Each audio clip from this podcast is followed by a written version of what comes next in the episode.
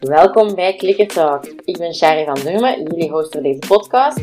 En ik ga het met jullie hebben over positieve paardentraining en alles wat erbij komt kijken.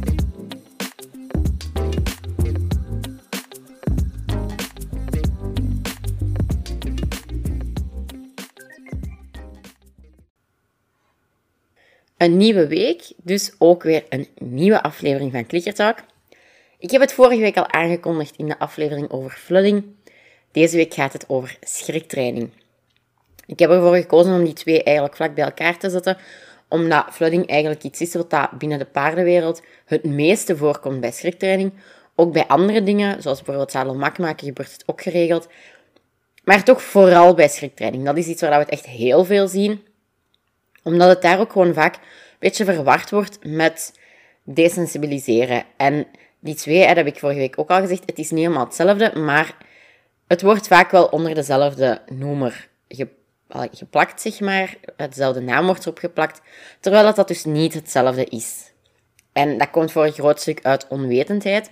We zien flooding bij schriktraining zo vaak gebeuren, dat het bijna normaal is om het op die manier aan te pakken.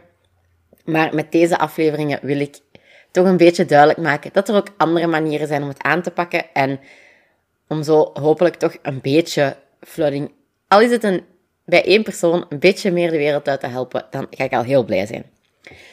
Nu, schriktraining wordt eigenlijk vaak gezien als het paard laten kennismaken, kennismaken met nieuwe objecten, zoals een paraplu, een zeil, een vlag, whatever.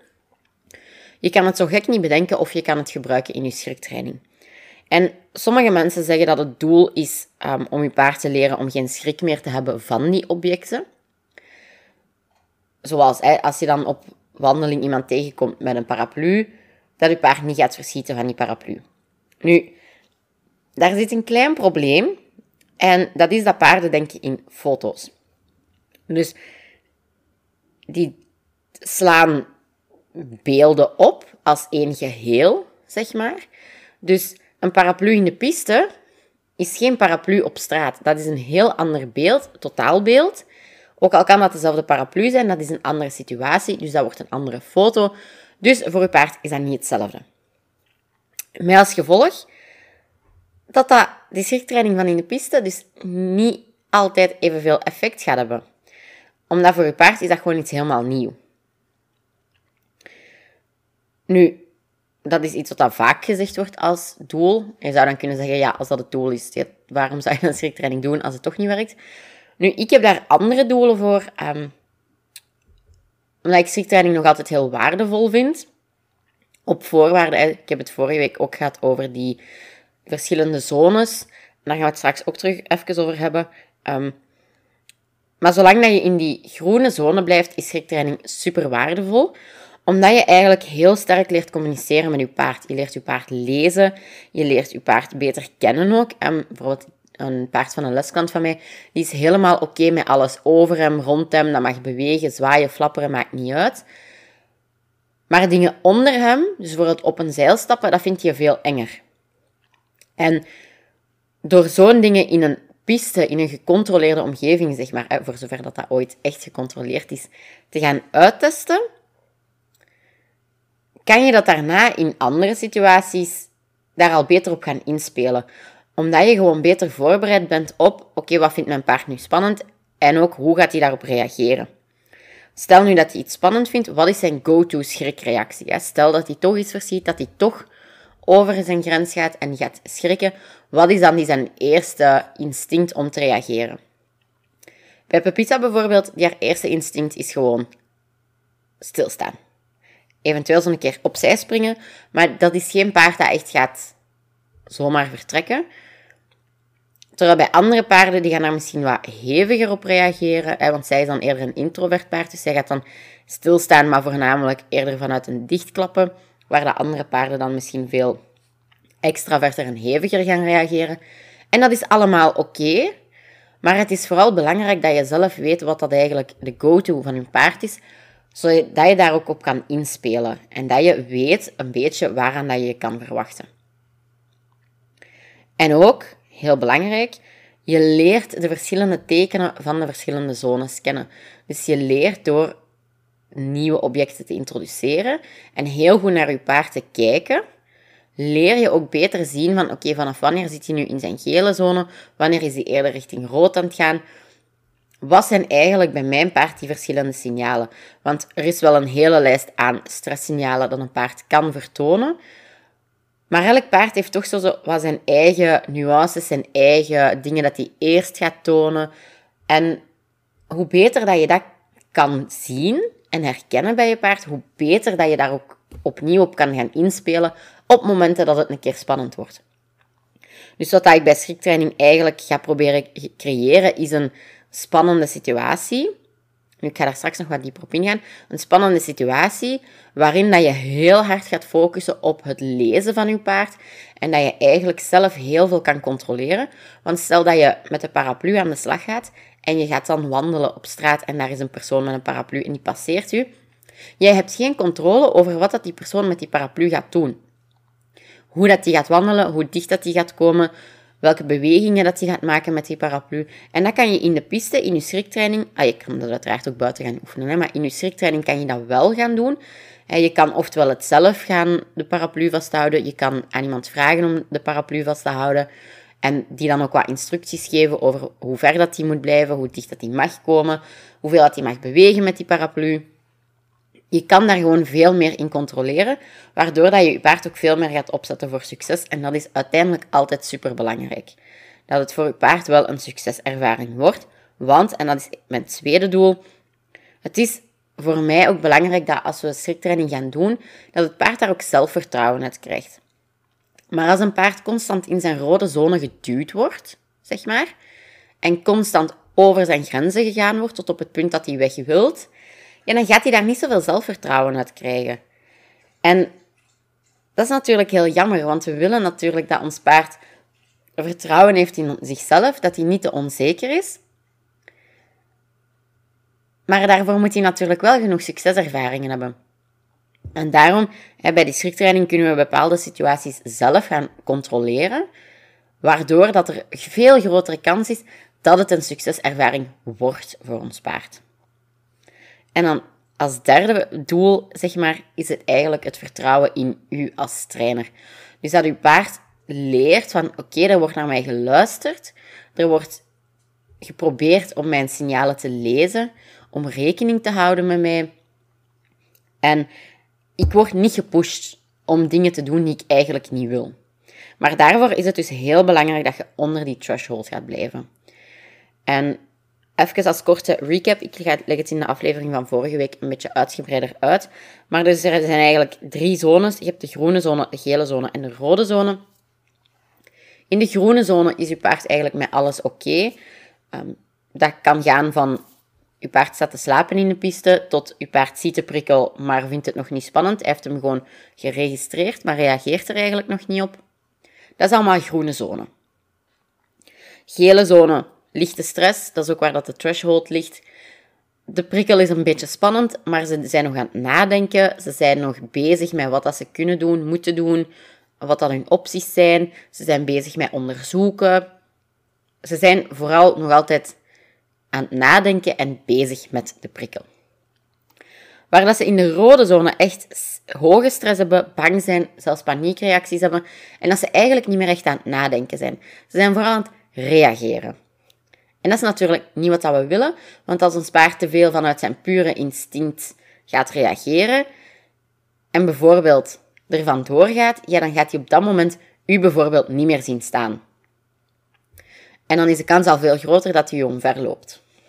Of dat hij door een hek gaat proberen gaan. En daarom is het dus heel belangrijk om die signalen van je paard te gaan leren zien, zodat je onder die threshold kunt blijven. Dat je paard niet in een echte stresssituatie komt, dat hij niet echt bang wordt en dat hij zeker, zeker niet in paniek raakt. Dat willen we absoluut vermijden. Nu, ik zeg ietsje eerder van ja, je leert de zones van je paard kennen, je leert de schrikreacties kennen, maar ik moet dan wel tegelijk onder threshold blijven. Dat klinkt een beetje tegenstrijdig. En ik snap dat dat zo voelt. Want ik zeg, je leert de schrikreacties kennen en tegelijk zeg ik, je moet ervoor zorgen dat je paard onder threshold blijft, zodat hij niet echt gaat schrikken. Maar Het ding is, je gaat sowieso fouten maken. Zeker in het begin, als je je paard nog niet zo goed kent, of het voor de eerste keer doet, of net um, met nieuwe objecten begint, of wat dan ook. Je gaat sowieso fouten maken. Ook als je paard al heel lang kent, maar je gaat fouten maken. Je gaat per ongeluk over je paard zijn grens gaan. Dat is heel jammer, maar dat is bijna niet te vermijden. En daarom is het dus ook belangrijk dat we dat niet bewust gaan opzoeken, want het gaat toch gebeuren op een bepaald punt dat je over die grens gaat. Dus daarom leer je paard lezen, kijk naar die schrikreacties, maar ze gaan gebeuren zonder dat je het bewust gaat opzoeken. Dus je moet je paard ook niet gaan pushen tot op dat moment, zodat jij eruit kunt leren. Nu, het is wel al eens gebeurd in een les dat ik dat wel al een keer gedaan heb, maar dat is gewoon omdat het er niet uitkwam. En op dat moment, ja, die mensen hebben dat gewoon even nodig, zeg maar. En ik ook, dat ik de schrikreactie kan zien om dan verder te kunnen. Maar in een gewone, ontspannen schriktrainingssituatie, als je gewoon met je paard aan het werken bent, is dat eigenlijk helemaal niet nodig om dat zo bewust te gaan opzoeken. En kunt je echt gewoon gerust je best doen om onder die threshold te blijven.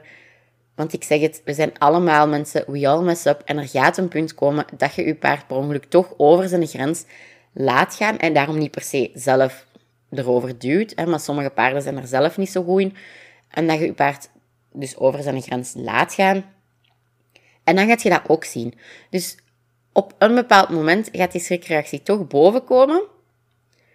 Dus moet je dat ook niet bewust gaan opzoeken.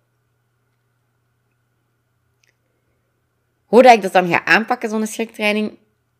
Ik ga sowieso niet beginnen met een volle piste bij een paard dat dat eigenlijk bijna nog nooit gedaan heeft. Dat is voor zo'n paard super overweldigend. Er zijn super veel prikkels. En zelfs al zou die al die dingen apart niet eens eng vinden, kan het wel zijn door triggerstacking dat hij gaat zeggen: Wow, deze is veel te veel.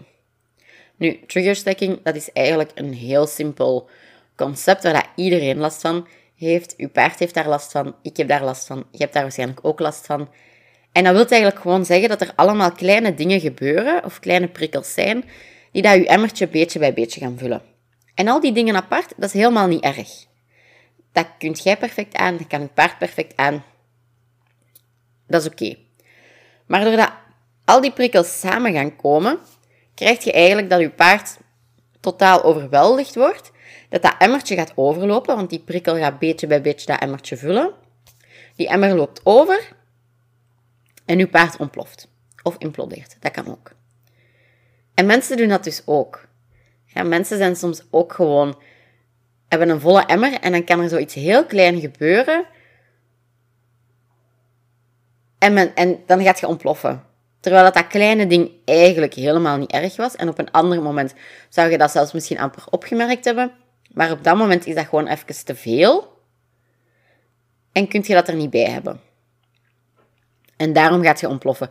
Maar het probleem zit hem dan niet in dat ene kleine dingetje. Het probleem zit hem dan in het feit dat er al zoveel dingen daarvoor zijn geweest, omdat er zoveel dingen tegelijk zijn, waardoor dat je het even allemaal niet meer kunt handelen en dat je emmertje gewoon overloopt. En dat is ook een risico als je zo'n groen schriktrainingspaard, om het zo te zeggen, in zo'n piste gaat zetten en die piste staat bomvol dingen, en dan kan die gewoon al gaan ontploffen, omdat dat allemaal samen gecombineerd veel te veel is. Dus ik ga eigenlijk altijd proberen om te beginnen met een klein aantal dingen, liefst als maar één ding tegelijk, um, zodat het paard daar rustig aan kan wennen. En dat is ook mijn eerste stap. Ik ga altijd het paard laten verkennen op zijn eigen tempo. Dus liefst los, maar dat kan ook perfect aan een touw. Stel nu dat je met meerdere in de piste bent, of je mag bij jou op stal paard niet loslaten in de piste, kan je dat ook doen.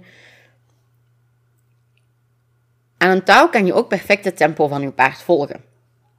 Nu, het is wel belangrijk dat je dan ook niet zo stiekem toch wat gaat vragen. Laat je paard gewoon rustig alles verkennen. Laat die tussen de hindernissen doorwandelen. Vraag die ook nog niet bewust naar een hindernis. Laat die echt alles op zijn eigen tempo doen. Volg zijn tempo, volg zijn pad. En dat is soms aan een touw wat moeilijker. Omdat, ik heb dat zelf ook gemerkt, ik werk heel vaak zonder touw. Maar deze zomer bij de Click and Retreat heb ik ook gemerkt dat ik zelf iets te veel ging met dat het dan aan een touw was. iets te veel ging, ja, toch wat proberen sturen en een klein beetje druk zetten. En dat is omdat dat een gedragspatroon is bij ons dat er echt heel hard is ingeslepen.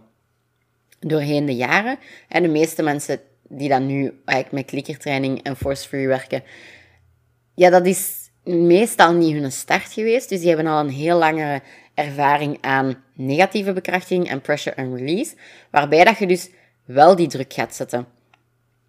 Maar op het moment dat je druk gaat zetten, ook als je nog met negatieve bekrachtiging werkt in je schriktraining, ja, dan zijt je eigenlijk wel je paard aan het sturen. En dat is dus wat we niet willen in het begin. We willen niet dat we het paard per ongeluk toch zo wat gaan de indruk geven dat er een ja, juist antwoord is, om het zo te zeggen. We willen echt dat het paard gewoon op zijn eigen tempo, binnen zijn eigen grenzen, de hindernissen gaat verkennen.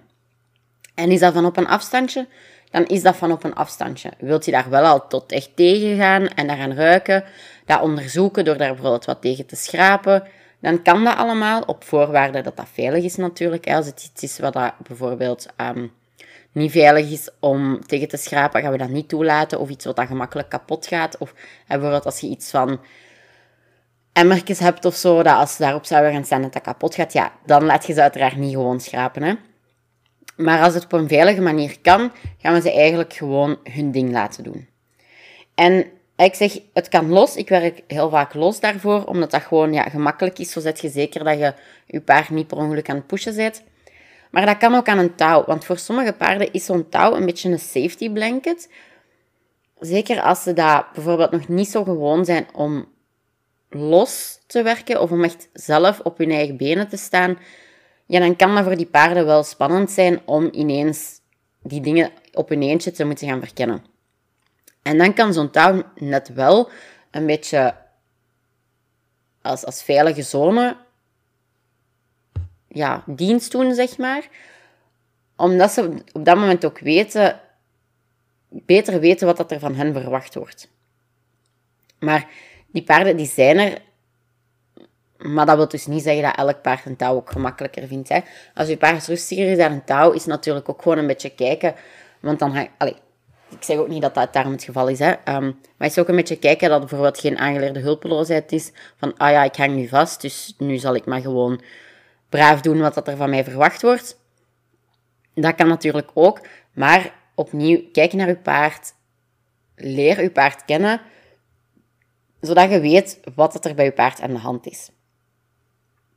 Um, want die paarden dat bijvoorbeeld aan een touw wel last hebben van aangeleerde hulpeloosheid ja, die gaan dan aan het, ook niet zomaar die nieuwe dingen gaan verkennen. Die gaan dan ook eerder wat een afwachtende houding aannemen. Totdat je een vraag stelt waarop dat ze dan weten dat ze moeten reageren. En anders gaan die gewoon wachten totdat ze iets moeten doen. Maar dan gaan ze niet zo gemakkelijk zelf die interactie aangaan met die hindernissen dat daar staan. Dus ik zeg het, kijk naar je paard als je twijfelt van oei, ik vind het toch wel moeilijk om een paard te lezen. Echt, neem les dat is sowieso bij alles wat je doet met je paard, neem les. Ehm, altijd een aanrader. Maar dus, ehm, wat ik eigenlijk gewoon wou zeggen, laat uw paard verkennen op zijn eigen tempo. Dat is eigenlijk altijd stap 1. En als je dan wel je paard wat dichter gaat vragen bij dingen, moet je opletten met je paard de enge dingen te laten targeten. Want je target is heel vaak een ja, safety oefening, een veilige zone, iets waarvan ze echt weten, oké, nu weet ik wat ik moet doen. En dat veiligheid gaat creëren voor je paard. En als je dan te veel je targeten gaat toepassen tegen enge dingen, dus dat ze echt het enge voorwerp moeten aanraken, dan kan dat je associatie met je target een beetje gaan ja, verpesten, zeg maar. Dat hoeft niet te gebeuren. Hè? Dus je kunt dat perfect inzetten, maar het is wel iets om voor op te passen, dat je op die manier ook niet per ongeluk je paard gaat te dicht vragen tegen het enge voorwerp, dan dat hij eigenlijk zou willen. Wat dat je bijvoorbeeld wel kunt doen, is je paard met de target dichter vragen, omdat je dan ook een juist antwoord hebt, om het zo te zeggen, op afstand van het enge voorwerp. Hè. Als we nu terug naar die paraplu gaan, ja, dan moet je eigenlijk echt al de paraplu gaan aanraken voordat die oefening geslaagd zou zijn. Oké, je gaat ook wel belonen in het begin voor er naar kijken en al die dingen. Terwijl uw target met de target naar de paraplu brengen, is toch nog een andere oefening voor het paard dan het aanraken van die paraplu zelf. Want zelfs al gaat je al belonen voor in de richting van de paraplu, je paard, dat als hij de target al heel goed kent, de oefening, ja, dan weet hij ook wel wat dat uiteindelijk de bedoeling is. En ja, dat kan dus wel zo'n beetje mixed feelings geven voor je paard. Dus je kunt dat gebruiken, maar let er gewoon mee op. Blijf heel alert voor de kleine signalen. dus als je dan je paard wat dichter gaat vragen, kun je dat met een target doen. Je kunt ook gewoon gaan volgen en zijn eigen tempo gaan belonen. En want in de eerste fase gaat je je paard ook niet belonen voor het onderzoeken. Je gaat die echt gewoon de kans geven om volledig zelf te gaan kijken wat dat hij aan kan. En je gaat dus ook nog niet per se belonen. Je gaat die gewoon zelf wat zijn ding laten doen en pas daarna gaat je beginnen met belonen. En je kunt dus oftewel zelf je paard dichter gaan vragen, met een target bijvoorbeeld, maar je kunt ook um, gewoon zeggen van ik ga mijn paard laten doen en ik ga wel elke stap dat hij zet in die richting, ga ik wel gaan belonen. Dat kun je ook doen. Nu, als je merkt dat hij toch wat spannend vindt om dicht naar de dingen te stappen, ja, mocht je echt een stap terug doen. Hè. Zelfs al gaat het tien keer goed, je merkt dat het nu toch wat spannend wordt, neem even een pauze, ga iets anders doen, doe een andere oefening. Um, geef effectief een pauze door pauze te geven met een snuffelmat of gewoon wat brokjes zoeken op de grond. Wat gaan grazen ergens, maakt allemaal niet uit. En dan kun je gaan kijken of dat je terug kunt wat verder gaan en blijft het toch te spannend als het daarvoor wel goed ging, ja, dan is het waarschijnlijk gewoon een teken dat het tijd is om te stoppen met die oefening of met de training. Moet je op het moment zelf een beetje aanvoelen. Het kan zijn dat die misschien wel nog open staat voor andere oefeningen, maar dat die paraplu zelf misschien op deze moment te veel is. Dat kan. Het kan ook zijn dat door even te gaan grazen, dat je je paard daarna weer kunt wel aan de slag laten gaan met die paraplu. Dus het is opnieuw, hè, schriktraining het komt eigenlijk al naar voren in die doelen. Hè. Het draait echt rond communicatie, rond je paard lezen. En ook echt rekening houden met wat dat uw paard zegt. En als je dus merkt, oh, toch toch wat spannend, dan komen lichte stresssignalen boven of hij aarzelt een beetje bij het dichter gaan. Neem gewoon een stap terug en eventueel stopt je gewoon met de oefening of zelfs met de hele training als je merkt dat het wat blijft. Als je merkt dat er zo een heel klein beetje stress is, zo'n lichte verhoging, maar dat je nog altijd in die groene zone zit, hè, dus die groene zone waarin dat hij het heeft opgemerkt, maar dat je wel merkt van, oh, ik zit hier op een kantelpunt met mijn gele zone, dat je zo niet weet van, ja, is het nu nog groen, is het nu geel? Wat ik dan meestal doe, is gewoon even wachten en kijken wat dat het paard doet. Dus ik ga hem niet per se dichter vragen, ik ga hem ook niet per se wegvragen. Ik ga gewoon even wachten en kijken wat dat hij zelf doet. Stapt hij dan zelf weg, dan is dat helemaal oké, dan ga ik daarin mee. Gaat hij een beetje dichter, dan ga ik dat ook belonen en dan is dat ook oké. Maar ik ga op zo'n kantelmoment dus niet zelf de intentie zetten van nu gaan we toch nog een beetje dichter. Als je echt twijfelt van, oh ja, ik twijfel echt, echt of dat het wel nog oké is, beter een keer te veel weggaan dan een keer te weinig. Dat sowieso. Dan gaat je veel minder mee kwaad doen dan met te veel doen. Dus als je echt twijfelt, wegwandelen is altijd een goede optie. Is altijd oké. En ja, pas ook als laatste een beetje een tip van, ja, pas ook de plaats aan van het voorwerp ten opzichte van je paard.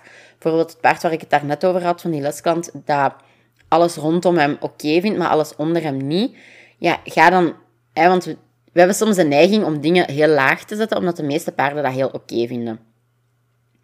Omdat dat voor hun ook een, een, een, hele natuurlijke manier is om wat te gaan onderzoeken en al, al die dingen. Ehm, maar als je merkt dat je paard het bijvoorbeeld beter doet met dingen dat je vast hebt, ja, begin dan ook met dingen dat je vast hebt voordat je die op de grond gaat leggen. Of bij zo'n paard gaat het misschien minder eng zijn om een zeil over hem te leggen dan zelf over het zeil te gaan stappen. Dus pas die, ja, je stappenplan, zeg maar, van alles wat je dan met dat zeil kunt doen, pas dat ook aan aan je paard en waar dat je paard comfortabel mee is. Nu, ik kan geen echt puur stappenplan geven voor zoiets, omdat het heel veel lezen van je paard is en heel veel gaan ook een beetje je gevoel terugvinden. Hè? Want ik heb zelf heel lang gedacht dat ik absoluut geen gevoel had om met paarden te werken. Dat dat eigenlijk, dat dat mij gewoon niet gegeven was. En ik was dus heel veel aan het leren over paarden en over de emoties van paarden en de lichaamstaal en al die dingen. Maar ik had echt dat gevoel van, dat gevoel voor paarden en dat gevoel voor met paarden werken, ik heb dat gewoon niet. Terwijl nu durf ik zeggen dat ik dat wel heb. Maar dat is niet omdat ik dat per se heb geleerd. Het is vooral dat leren om daar terug op vertrouwen. Want wij leren van in het begin heel vaak af om ons gevoel te volgen. Omdat het beeld dat er van paarden wordt geschept in de typische manegelessen klopt heel vaak gewoon ook niet. Je paard is niet met je voeten aan het spelen. Je paard wilt niet, weet ik veel, wat doen om je te couilloneren. Je paard is gewoon een paard en die doet die dingen niet. En je leert op dat moment dus ook af om je gevoel te vertrouwen. Ook als het gaat over lichaamstaal van paarden. Heel veel mensen die niks van paarden kennen, die hebben soms een beter gevoel voor het interpreteren van die signalen dan mensen die al 30 jaar in de paardenwereld zitten. Omdat wij bijvoorbeeld die pain faces, die gefrustreerde gezichten, wij leren dat dat concentratie is. We leren dat dat normaal is. Dus je leert af om dat slecht te vinden. En bij schriktraining is het heel belangrijk dat je terug leert intunen met je gevoel.